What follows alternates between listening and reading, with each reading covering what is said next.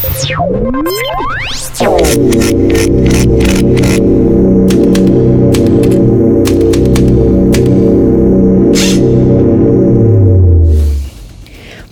v tretji in leto zadnji epizodi počrto podcasta, z vami smo ponovno Leonard Kučič in Taja Topolovec. Lep pozdrav skozi slušalke in spet začnemo z enim takim preprostim vprašanjem za Tajo, ki jih ima tako rada. In sicer, kako so se mi dva sploh znašla tukaj? Torej, ja, če preskočiva dolgo metafizično debato. Dinozaure. Dinozaure, stvarjenje. stvarjenje, zvezdni prah. Um, Prajuho. Vse to. Bi verjetno morali začeti pri letu 2014. Kaj se je takrat zgodilo?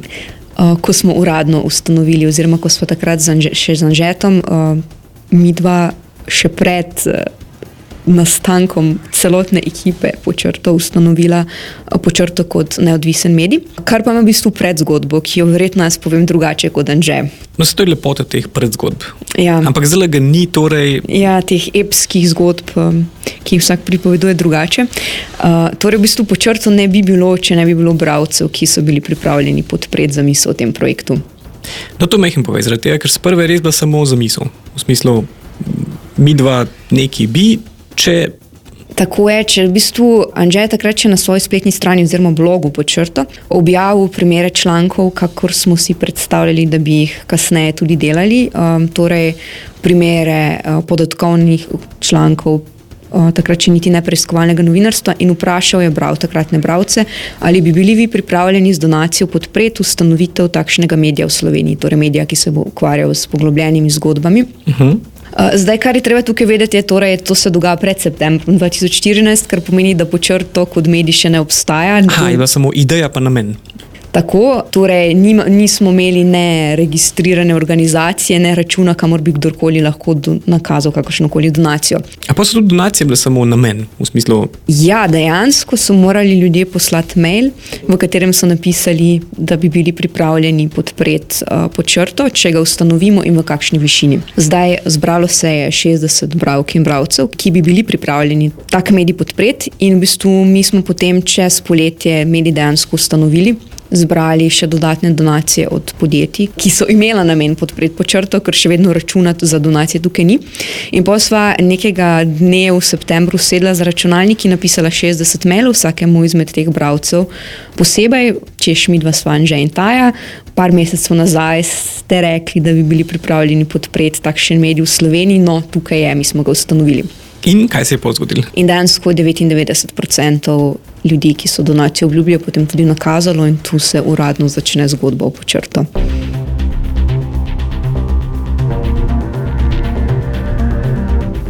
No, tukaj zdaj ne bomo opisovali, kaj vse je počrto počel, zaradi tega, ker obstaja spletna stran www.podcrto.si, kjer lahko vse preberete, kar smo kdaj objavili. Ampak lahko pa se A se spodobno reči pohvalijo s tem, da pa zdaj, po vseh teh začetkih, smo pobili leto zelo uspešno leto? Ja, dejansko bi lahko to imenovali najbolj uspešno leto do, do sedaj. Ja. Kar pomeni, kaj največ zgodb, največ novih izdelkov, kaj vse recimo, bi ti izpostavljal kot. Um, zgodbe, ki smo jih uspeli raziskati in povedati, potem to, da smo dejansko spostavili uh, v, zdaj po treh letih uh, ekipo petih ljudi za projektom to, da smo v bistvu uspeli pridobiti eh, mednarodno prepoznavnost našega projekta in pa potem tudi mednarodno sodelovanje. Prva, naprimer, eno je bilo to z Investigate Europe, v katerem si v bistvu ti debitiral uradno. Ja, res je. Tako, prva mednarodna koprodukcija, to prava. In pa tudi to, da smo uspeli v bistvu začeti delati tudi rečemo, temu nove produkte za bralce, naprimer tale podcast. Tako je, pa strip tako stripja, torej ne, unesli smo nekaj humorja v svoje sicer izredno resno delo. Ja, meni smo resni, se to je, se veš, to imamo vsake tok časa. Veste, um, Praktično ob vsakem snemanju tega podcasta se nam, uh, se nam tukaj porodi kakšen tak alternativni slogan za počrto. Pa ne vem, ali smo upali, kaj o tem povedati, ampak ja, dosti gre na, na resnost in na podobno. Ti pa ne vem, ki mi nekako najbolj všeč, mi je tisto, ki je že uno. Uh, no facts, just stories. ne, no, no stories, just facts. Ta recimo je bil tako v redu. No, ampak poleg teh alternativnih sloganov si pa na mednarodnih letošnjih konferencah slišala še par takih izrazov, s katerimi bi bilo možno opisati to, kar počnemo, poleg preiskovalnega pa podatkovnega novinarstva, ki so bili aktualni takrat na začetku.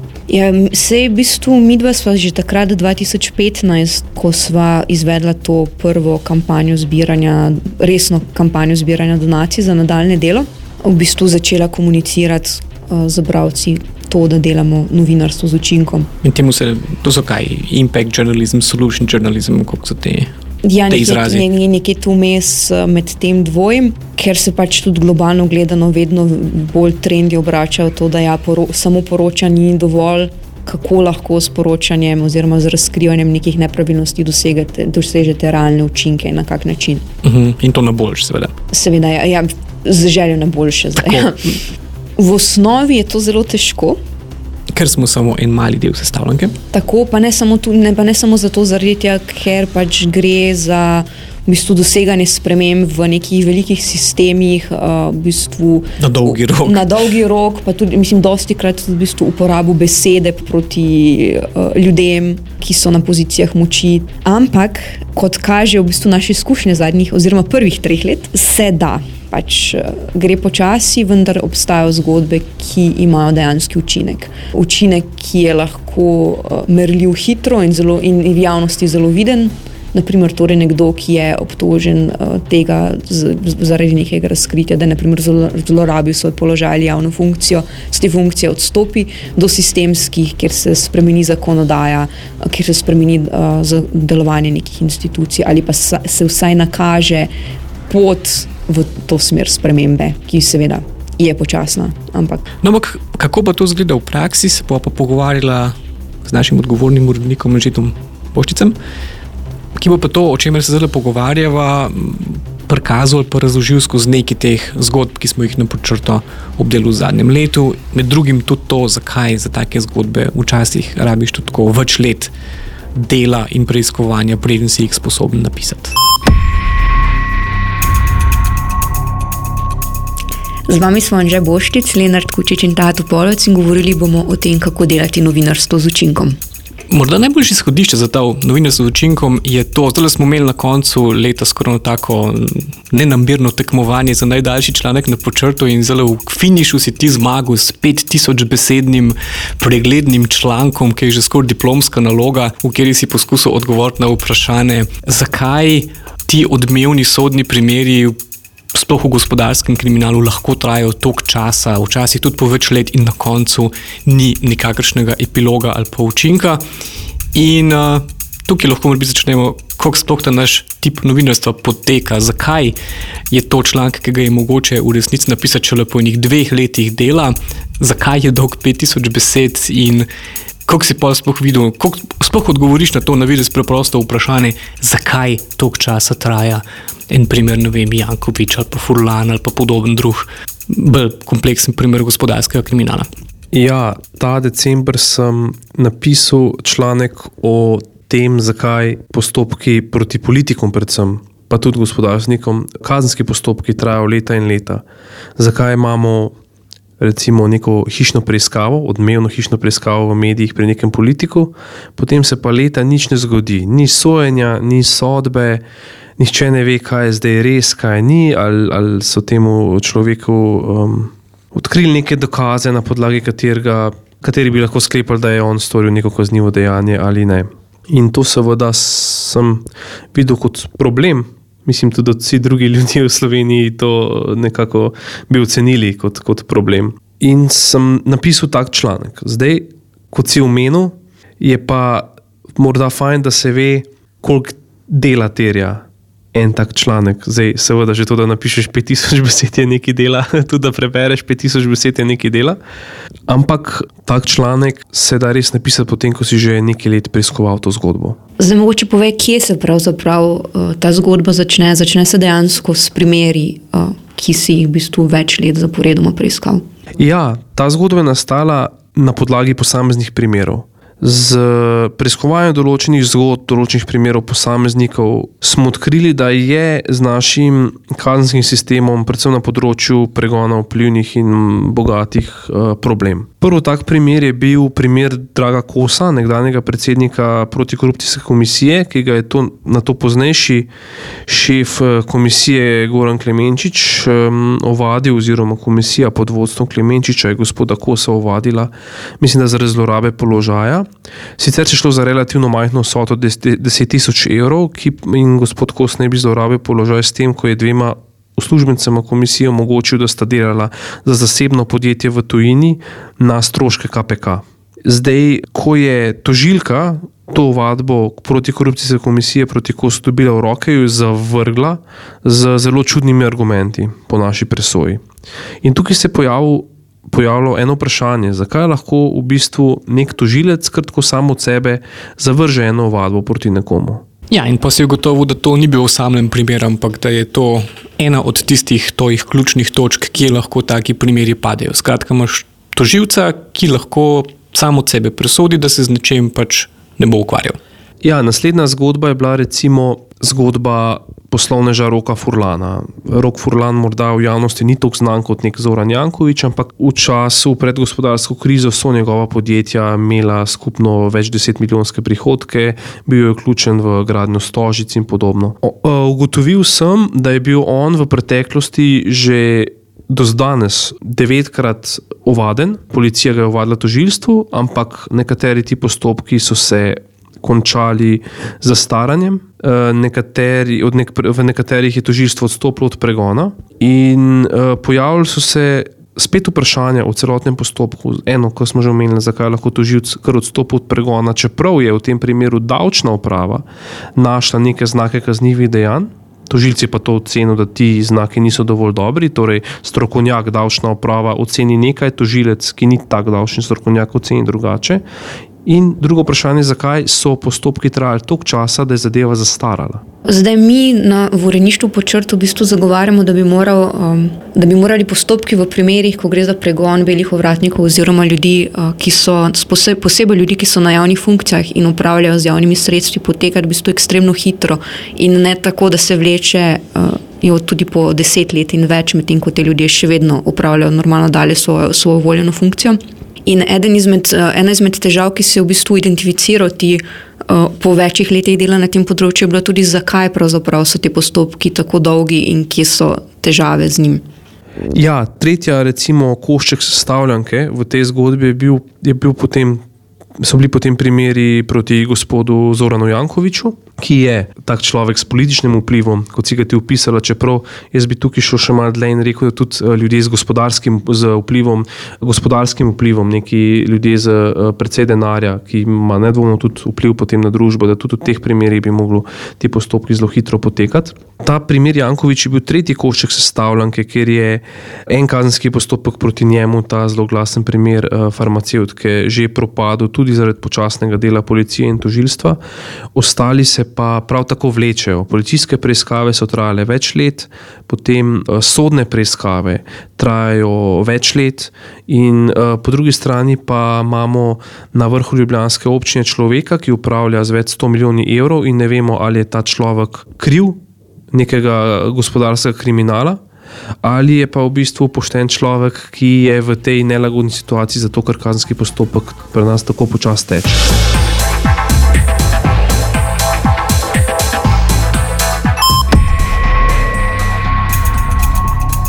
Mi v novinarstvu smo nasplošno zelo dobri v diagnostiki, bolj slabi pa v terapiji. Ampak ena taka pomembna stvar, ki jo ti zmeraj zagovarjaš, ki si meni rekel, da ne bom pozoren, ko karkoli pišem, je to, da pa dejansko moramo govoriti tudi o terapiji. Recimo, kaj bi bili tisti ključni ukrepi, ki bi lahko bistveno spremenili stanje, zakaj recimo je to ta korak, ki ga pri našem tipu novinarstva ti zagovarjaš. Seveda, ker vsaka zgodba mora imeti identifikacijo problema, da pokaže, kako ta problem vpliva na družbo in kako ta problem reši. Čisto konkretno, na, na primeru dolgotrajnih sodnih postopkov. Težava je, da sodni postopki proti bogatim in vplivnim trajajo zelo dolg časa. To poruši zaupanje v vladavino prava. Zakaj bi jaz deloval pošteno, bil pošten, če lahko nek človek ne, je osumljen ne vem kakšnih stvari, hudih uh, kriminalnih dejanj, postopek pa nikamor ne gre, ali pa celo zastara, ali pa tožilce stopi od pregona. In tukaj smo videli skozi vse te zgodbe, zgodbe, ki sem jih jaz opisal do zdaj, da je problemov več. Eno je, da policijske preiskave potekajo zelo počasi, doskrat. Drugo je, da se tožilci zelo počasi odločajo na to, kaj bo s primerom naredila, bo vložilo obtožnico ali bo odstopilo od primera. In tako dalje. Tretji primer je, da lahko tožilec kar samostojno odstopi od primera, ne da bi nekdo izvajal nadzor nad to eno osebo, ali se pravilno odločil ali ne. Eh, četrti ta težava v postopku so, so te zelo dolgotrajne sodne preiskave, kjer potem osumljence in priče po policiji zaslišuje še preiskovalni sodnik. In potem morajo biti osumljenci in priče zaslišani še na glavni obravnavi. Torej se kar potroji delo. Najprej te policija zasliši, če si priča, potem to preiskovalni sodnik, potem še na tisto, kar mi rečemo, sojenje po domače na glavni obravnavi, še tam sodnik zaslišuje.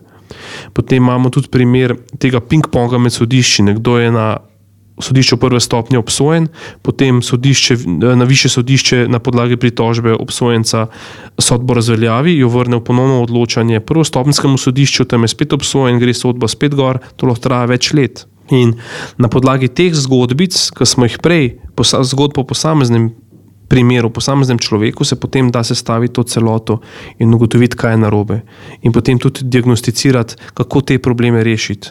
Ali je smiselno, naprimer, sodne preiskave ukiniti, ker kot kaže, nima takega efekta, kot mi želimo, da bi ga imeli. Ali moramo izboljšati nadzor nad delom tožilcev, ali moramo izboljšati nadzor nad delom policije in tako dalje. Ne, in tukaj smo tudi v članku razložili, katere konkretne rešitve na probleme so predlagali pristojni, ampak potem žal v parlamentu uh, niso bile sprejete. Zato, naprimer, kar opisuješ ti na tem primeru nadzora nad delom tožilcev, policije in pa pač sodnimi postopki v Sloveniji, je v bistvu en tip zgodbe, ki jih delamo na počrtu, drug pa lahko rečemo, da sistemski v smislu, da se ne začnemo ukvarjati z nekimi posamičnimi primeri, ki jih skupaj počasi sestavljamo v širšo sliko, ampak se v bistvu lotimo ene široke teme in skušamo identificirati kasneje, potem skozi, skozi preiskavo, konkretne težave. Tak, naprimer, bi bil naprimer, večletno ukvarjanje z vprašanjem zdravstvenega sistema v Sloveniji, ki se je začel z poklicnimi boleznimi, nadaljeval pa z vprašanjem dostopa do zdravnikov, potem smo se ukvarjali s kvaliteto zdravstvene skrbe v Sloveniji in sedaj na zadnje leto z dostopnostjo same zdravstvene skrbe in pa v bistvu vpliva na splošno zdravje prebivalcev Slovenije. Kakšen je za razliko od tega, kar si zdaj napisal, v bistvu naš uh, način dela tukaj? Vsi vemo, vsi govorimo o tem, da ima zdravstvo, zdravstveni sistem v Sloveniji določene težave, noben pa se poglobljeno vpraša, kaj te težave so. In tukaj so posamezni sklopi sistema, večji sklopi, ki smo se jih mi odločili analizirati. Kot si rekla, začeli smo, mislim, da z vprašanjem poklicnih bolezni. Zakaj ne bi v Sloveniji po gotovitvah strokovnjakov par tisoč ljudi na leto zbolelo za poklicno boleznijo, torej za boleznijo, ki je nastala zaradi njihovega dela. In ti ljudje sploh ne vejo, da so poklicno bolni, kaj šele, da bi dobili primerno odškodnino ali oskrbo. Tukaj smo ugotovili, da je eden izmed razlogov za to eh, konflikt interesov, da v bistvu delodajalci plačujejo zdravnika, ki potem ugotavlja, ali imajo zaposleni pri tem delodajalcu poklicne bolezni. In če zdravnik take bolezni ugotovi, potem mu delodajalec doskrat reče, da ga ne bo več plačeval, ker v primeru, da zdravnik ugotovi poklicno bolezen, mora delodajalec delavcu izplačati odškodnino. In seveda delodajalcu ni v interesu, da plača odškodnino delavcu, ne, ki je zbolel za poklicno boleznijo. Skratka, sistem omogoča, recimo, da sem jaz delodajalec, ki moram svoje zaposlene pač pošiljati na obvezne zdravstvene preglede na tok pa tok časa, da dejansko, ker to jaz plačam, tudi zberem zdravnika, ki bo pokazal, da so moji delavci zdravi in da nimajo poklicnih bolezni. Zaradi tega, ker če bo pokazal, da jih imajo, bo to moja odgovornost in bom jaz mogel plačevati odškodnine. Če pa dobim zdravnika, ki tega ne bo pokazal, sem pa v redu. Ja, to je približno tako, da bi ropar plačal policaja, če lahko ekstrapoliramo za njegovo delo. Ne? Ampak tukaj je, je problem problem jasen in tudi rešitev jasna, ampak do tega problema je pa treba priti z delom, z novinarskim delom, da ti dejansko vidiš, kaj je problem, da govoriš z strokovnjaki, z upletenimi v sistem, ker tega problema noben javno ne, da je to dejansko problem, noben javno ne izpostavlja. Tem druga zgodba je bila zgodba o dostopnosti um, družinskih zdravnikov, ki se je v zadnjem času, predvsem tudi v, ja, v medijih, širše začela pojavljati, zato ker je ministrstvo sprejelo določene premembe pri tem, koliko more nek osebni zdravnik imeti pacijentov, je, je um, dalo osebnim zdravnikom več svobode, da lahko zavračajo pacijente oziroma ljudi. In zdaj je, je vedno več ljudi, ki nimajo osebnega zdravnika ali pa ga imajo v enem zelo oddaljenem kraju. In mi smo se na počrtu že več let pred tem ukvarjali z vprašanjem, zakaj je osebnih zdravnikov premalo.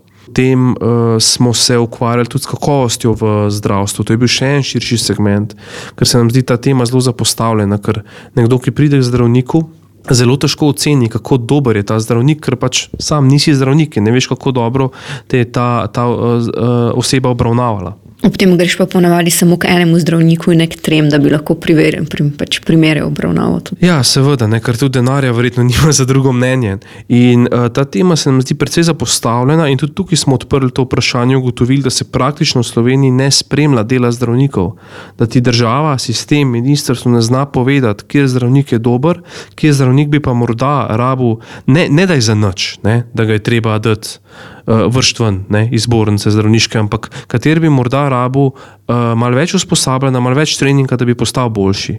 Ne, in to je hud problem. In zdaj mislim, da je takrat naredilo ministrstvo oceno, da ne bi v Sloveniji zaradi zdravniških napak umrlo do tisoč ljudi let. Potem smo se pa letos tudi ukvarjali z vprašanjem, kako vpliva na vaše zdravje kraj vašega stalnega bivališča. In ugotovili, da ljudje iz revnejših okolij so manj zdravi, so bolj bolni kot ljudje iz bogatejših okolij. In tudi to je težava. Ne? Tudi tukaj se kaže ta posledica te neenakosti, revščine v družbi. Kar se nam pa tudi zdi ena zelo pomembna tema, ki jo ni noben sistematično odprl in eh, šel iskati razloge uh, za njo. Zato bi bilo mogoče čas, da v bistvu povemo, kaj pravzaprav je naše delo znotraj teh velikih sistemskih težav in problemov, ki se jih lotevamo in ki jih pravzaprav razkrivamo javnosti. Torej, na eni strani naše delo ni delati uh, osnovnih raziskav. Torej, mi nismo raziskovalna skupina v smislu neke, neke znanstvene ekipe, po drugi strani, torej, da v bistvu delamo s stvarmi, ki obstajajo in ki jih je treba najti, podatki, dokumenti in pa uh, strokovnjaki nekje tam zunaj. Po drugi strani pa naša naloga tudi ni biti aktivisti oziroma skrbeti za lobiranje ali implementacijo najdenih rešitev potem v sistem. Torej, kako bi ti na kratko povzel, kaj je naša naloga? Tako kot smo se dotaknili že te teme pri dolgotrajnih sodnih postopkih. Prvič, mi moramo identificirati, kaj je problem. Recimo v zdravstvu, da, so, da ne vemo, kateri zdravnik je dober, kateri je slab, kateri je manj dober. Kaj je posledica tega problema, kako to vpliva na družbo? Ne? Kot tudi po mnenju zdravstvenega ministra, ne bi zaradi tega umrli do tisoč ljudi na leto, zaradi zdravniških napak, kar je ogromna številka, kar je nekajkrat več od vseh ljudi, ki umrejo v prometnih nesrečah. Ne? Kako to vpliva na družbo. In ko to imamo, je naša morda celo najpomembnejša naloga, da odgovorno vprašamo, ok, kakšne rešitve pa predlagate za to zadevo. Ne? In da dejansko pritiskamo njih, da oni povejo, kakšne rešitve imajo za te probleme, kako jih bodo odpravili, in da na to spremljamo, ali so te rešitve izvajane, kako učinkovite so. In spet, če niso učinkovite, da jih rečem, da rečem, pogledajte, kot kaže, to ne dela, Dajte pogledati nekaj drugega. Kar je bistveno, je, da se moramo zavedati, da mi, novinari, nimamo znanja, moči, da bi sami probali analizirati, kaj ta točna rešitev more biti. Lahko pa zahtevamo od odgovornih, da predstavijo rešitve, da jih argumentirajo, zakaj so take, kot so, in da od njih zahtevamo, da se jih na to implementira in izvaja. Recimo, samo en konkreten primer, v primeru kakovosti. Eh, spremljanja kakovosti zdravnikov. Ena od predlaganih rešitev je bila ustanovitev neke agencije za kakovost, ki bi lahko sistematično spremljala z neko potrjeno metodologijo zdravnike, kako dobri so na nekem področju, recimo osebne zdravnike, zdravnike različnih specialnosti. Ta rešitev ima tako zagovornike kot kritike v javnosti, nekateri pravijo, da bo še ena potrata denarja za še eno agencijo, morda. Ampak naša naloga je, da se recimo neka predlagana rešitev proba vzpostaviti, narediti, uveljaviti in potem spremljati, kako deluje. In to se mi zdi zelo pomembno, no? da, se, da se ve, kaj mi delamo.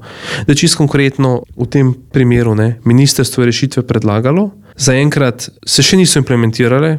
Pač mi bi si želeli, da bi se hitreje, ampak pač te zadeve so žal, uh, doskrat lahko zelo dolgotrajne. Zdaj, imeli smo v bistvu v preteklosti zgodbe, so, iz katerih so nastali, rečemo, temu škandali na čist eh, v javnosti, v smislu, da so se vsi mediji in pa široko občinstvo ukvarjali z njimi, in spremembe potem so bile včasih zelo hitre, ne pa nujno. V bistvu imamo nekako dva načina, kako se dosega sprememba, in ta pa drugi, ta sistemski, je zelo dolgotrajen. Kar pomeni tudi vprašanje, kako dejansko držati pozornost publike. Mislim, na eno je razkriti nekaj novega, za kar so vsi zainteresirani, druga je v bistvu držati pozornost publike in pa po drugi strani pozornost odločevalcev oziroma odgovornih za to, da se zadeve na koncu res spremenijo in implementirajo. Čist, če mogoče povemo, na kak način delamo mi to na počrto čisto tehnično. Tle treba ločiti dve stvari. Ne? Ko govorimo o rešitvah za, za probleme zdravstvenega sistema, seveda zdravstveni sistem je glomazen sistem, taka barka se počasi obrača in tukaj žal uh, zadeve bi lahko potekale hitreje, ampak uh, rabijo nek čas.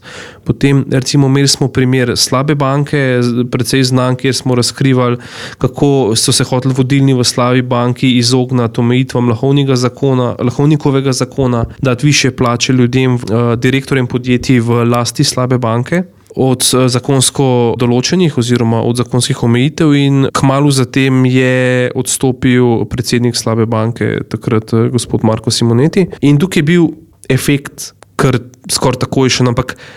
To je pač en zelo omejen problem, ki se ga da, recimo, temu hitro rešiti v narekovajih. Ne?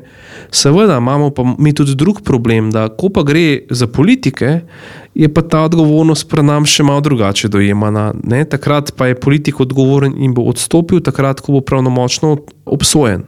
Torej, če je gospod Jankovič eh, res utajil davek leta 2006 v primeru prodaje delnic Merkatorja, ko, kot mu to očita tožilstvo, jaz sem pa leta 2017, recimo, da bo za to kaznivo dejanje obsojen, če bo. 2020, v tem hipotetičnem primeru bo gospod Jankovič odstopil 13 let po storitvi domnevnega kaznivega dejanja. Ne? Zdaj se pa lahko vsi vprašamo, kakšna odgovornost je to. Ampak to je samo tako, da, da nekako eh, se malo prst pomočimo še en problem uh, slovenske krajine, to je sprejemanje odgovornosti, ampak tukaj nimamo. Ja, pa še en problem. Recimo, tukaj, tukaj je poslovaj še lažje del, zato ker gospod Simoneti in gospod Jankovic so tako konkretni osebi z imenom in primkom in po eni strani najlažje novinarstvo je to, da se ti izpostavljaš konkretne osebe z imenom in primkom, ki delajo nekaj konkretno odmevno narobe, ampak pri sistemskih vprašanjih pa nimaš ti takih jasnih negativcev pa pozitivcev. Zaradi tega, ker tudi to, recimo, če imaš ti pri zdravniku, ali pa če gremo kakovost, ne samo da jo noben ne mer, ampak tudi potem, polk je enkrat naredimo kakovost, je pa naslednje vprašanje, zakaj. To, kar si omenil, en zdravnik recimo rabi več izobraževanja, en zdravnik je preprosto preobremenjen. Tukaj se pa zadeve zakomplicira in tukaj recimo, morda tudi mi vam premalo povemo, uh, koliko tak tip novinarskega dela tudi vpliva na naše delo, na našo organizacijo. Ker si moraš kar naenkrat, ne vem, iz tistega dveh, treh, štirih, petih člankov na teden ali pa na dan, odvisno kaj delaš, kar naenkrat postaviti polletni projekt, da boš pa zdaj tukaj tri mesece delal, da boš pa sploh približno razumel problem, pa pol še le videl, kaj se vse dogaja, kam se ti bo zgodba razvila, ali pa v najslabšem primeru, da sploh nimaš zgodbe. Seveda, največje afere največkrat nastanejo na, na podlagi tako imenovanih likov. Ne? Nekdo ti da nek dokument, nek obremenjujoč dokaz, da, tega, da temu tako rečemo. V primeru slabe banke so to bili posnetki sej upravnega odbora, ampak tudi te, to so bile ure in ure posnetkov, sem, sem jaz mogel nekaj tednov poslušati in preposlušati in si izpisati, da sem prišel do te zgodbe.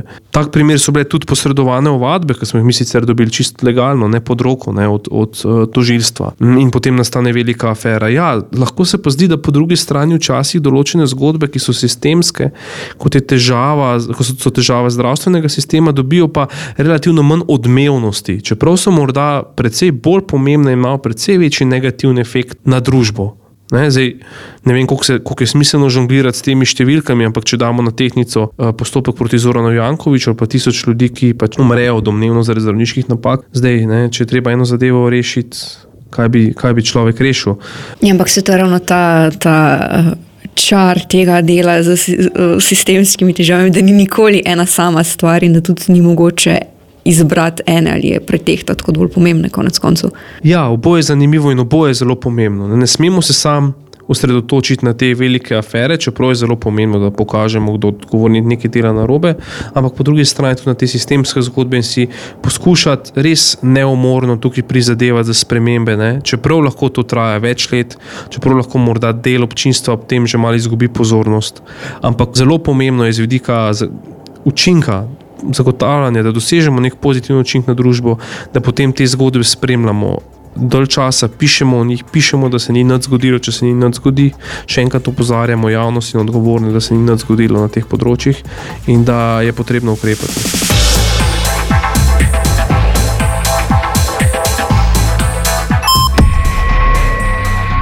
Zdaj, tu je mogoče treba izpostaviti še eno, še eno vprašanje. Včasih se bralci in pa naši podporniki sprašujejo, zakaj se z določenimi tipi zgodb ukvarjamo. Naprimer, ne vem, zakaj se sistemsko ukvarjamo z takšnim vprašanjem, kot je naprimer revščina ali pa zdaj v bistvu prekarizacija trga um, in spremembe delovne zakonodaje, ki so se zgodile, ker so v bistvu teme. Ki na nek način zadevajo te, ki imajo najmanj moči v družbi, in pa v bistvu najmanj dostopa do komuniciranja za javnost, in pa tudi v bistvu najmanj moči za lastno lobiranje pri odgovornih. Pa tudi v bistvu, kako se to tako sliši, zelo brutalno, realistično, je tudi zelo pomembno, da tudi pri. Težavah, ki se na prvo žogo ne tičejo nas, ker ljudje znajo biti zelo sebična bitja. Ne?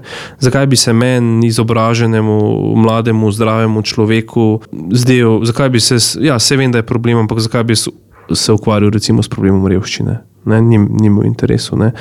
Ampak da dejansko pokažemo, da naredimo, upravimo zelo dobro svoje delo na tem področju identifikacije problema in kako ta problem vpliva na celo družbo. Kako ena revščina vpliva na celo družbo, neenakost, prekarizacija. Ni skrivnost, da zaradi recimo vedno večje prekarizacije, negotovosti uh, mladih ljudi, bodo ti mladi ljudje veliko manj začeli vlagati v lastno izobraževanje, bodo pod veliko večjim stresom. To pomeni slabša delovna sila v Sloveniji, pomeni slabše, eh, slabše delovanje gospodarstva, konec koncev v Sloveniji, kar bo pa teplo vse nas. Recimo revščina, ni skrivnost, da večja revščina, večja neenakost je povezana z več socialnimi problemi v družbi, morda z, tudi z večjim kriminalom. In če bo pa kar naenkrat postalo bolj nevarno hoditi po ulici po noči v Sloveniji, bo tudi to problem za vse nas ne smemo se seveda osredotočiti samo na to, na to neko čisto racionalizacijo. Tudi naše poslanstvo nedvomno je tudi v tem, da damo glas tistim, ki pač zaradi uh, pogojev, v katerih so se znašli, nimajo glasu ali pa ga ne morejo efektivno doseči s tem glasom tistih odgovornih v družbi oziroma odločevalcev oziroma ljudi z močjo. Ampak tudi na ta segment, kaj se bo zgodilo s celotno družbo, če dopuščamo Eh, recimo eh, razrast revščine, neenakosti. Tudi to mislim, da moramo eh, zelo opozoriti in unesti v te debate.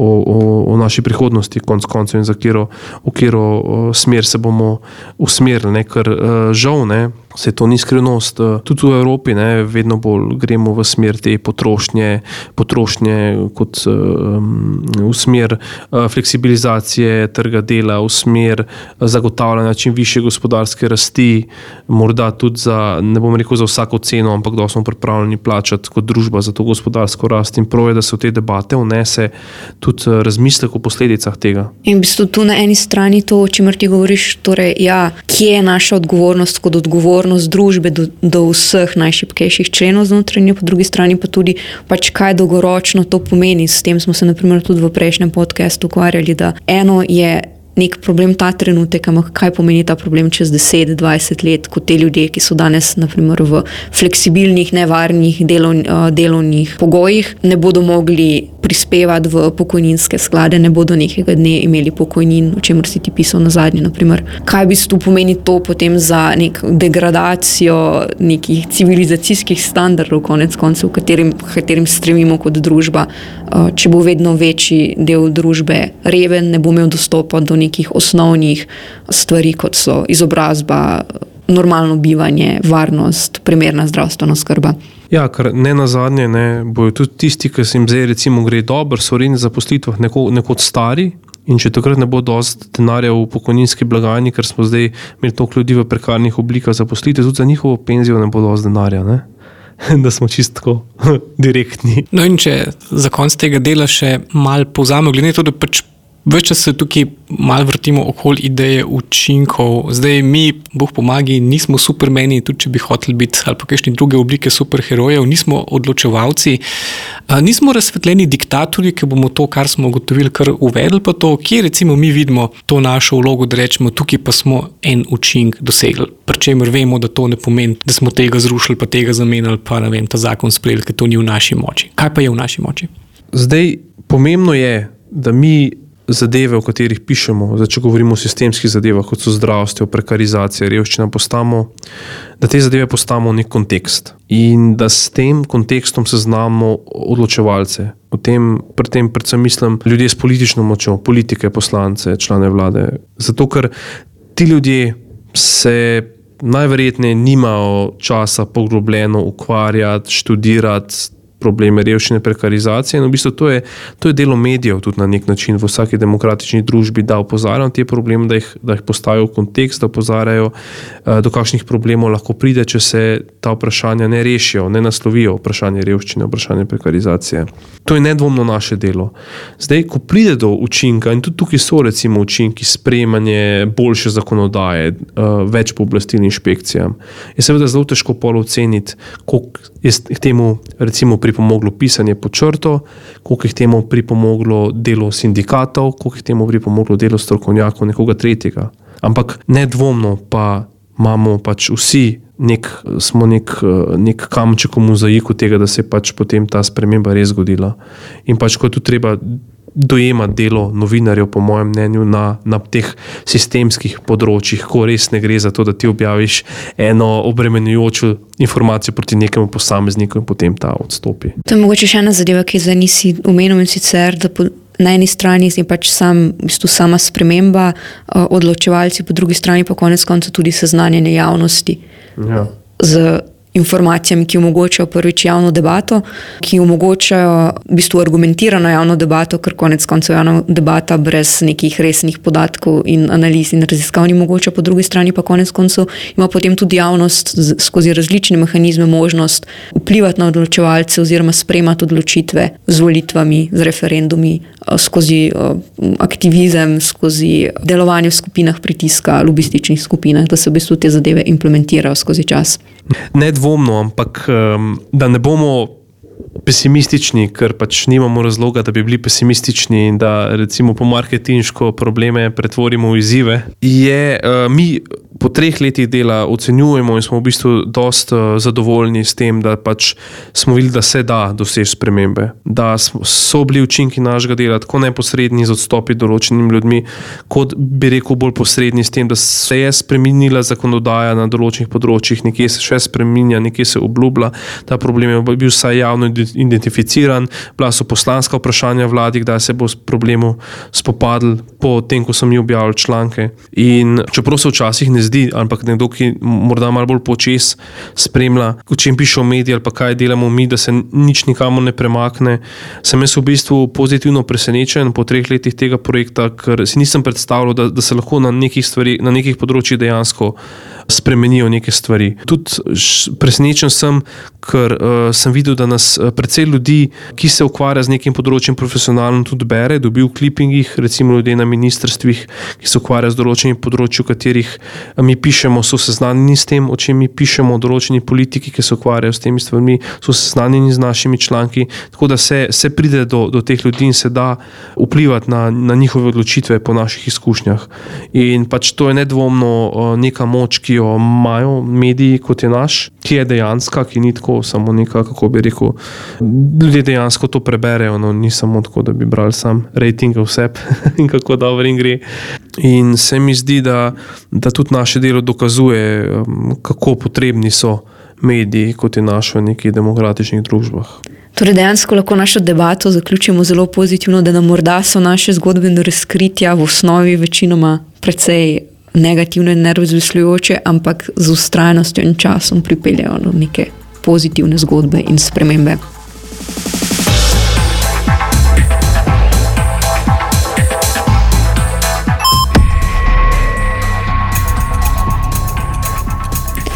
Z vsemi področji, o katerih smo pravkar govorili z Anžetom Voboščicem, odgovornim urednikom po črto, se bomo seveda ukvarjali tudi v letu 2018. In sicer zato, zaradi tega, ker je ravno to način, na katerega se spremembe zgodijo. Torej, da v bistvu na zgodbi, ki jo razkriješ, na nepravilnosti, ki jo najdeš, ustrajaš tako dolgo, dokler se sprememba zares ne zgodi oziroma nepravilnost odpravi. Bomo pa še par novih dodali, se mi zdi.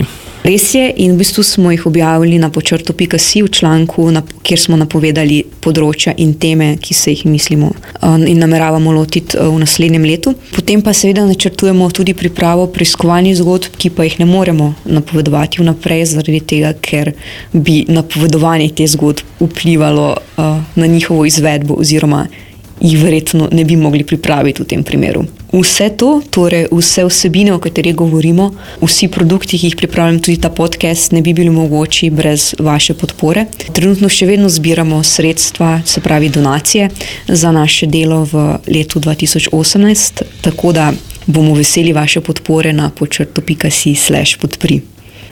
Po črtu smo Anžej Boščic, Rok Grča, Tanja Pirnat, Lenard Kučič in Tato Polovec. V tretjem podkastu pa smo bili z vami Lenard, Anže in Taja.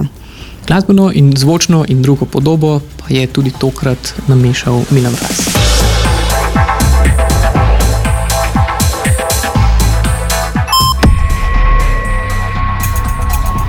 Lepo pozdravljeni v tretjem in zadnjem letošnjem počrtu podkastu, z vami sva Lenard Kučič in Tato Polovec.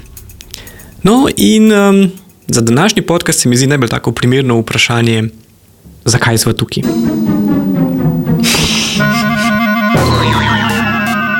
Ok, dobro, bo, bo, bom, bolj, bom bolj konkreten. Ja, Ka- kako, kako so se znašli tukaj? Meni se v, v glavi preračunava pre, pre, preračunava vprašanje atomov, zvezdnega prahu, supernove. Ne začnemo tako daleč. Mora ponuditi vlak. Ja. Ok, da medtem ko vlak, eh, vlak pelje in tega tako ne moremo uporabiti, da mi razpovej, uh, mislim, samo malo razvita storyline, ki ga delamo, zato ker kot rečeno, z takimi velikimi metafizičnimi vprašanji me spravljaš v stres. No, super. Da pa predebatirati še vprašanje evolucije, smrti dinozaurov. Meteoritov. Meteoriti, pri medijski industriji je fulurino. Jaz mislim, da globalnega segrevanja in potem, in potem se pojavimo mi, še pred Trumpom. Pa pred, čaka, pred globalnim segrevanjem. Ne, ne, ne, po, ne, ne, po globalnem segrevanju No, to, se pojavimo mi. Ok. Kdo čudežno odporno, odporen mikroorganizem, Tako, tako, tako. preživel vse skupaj.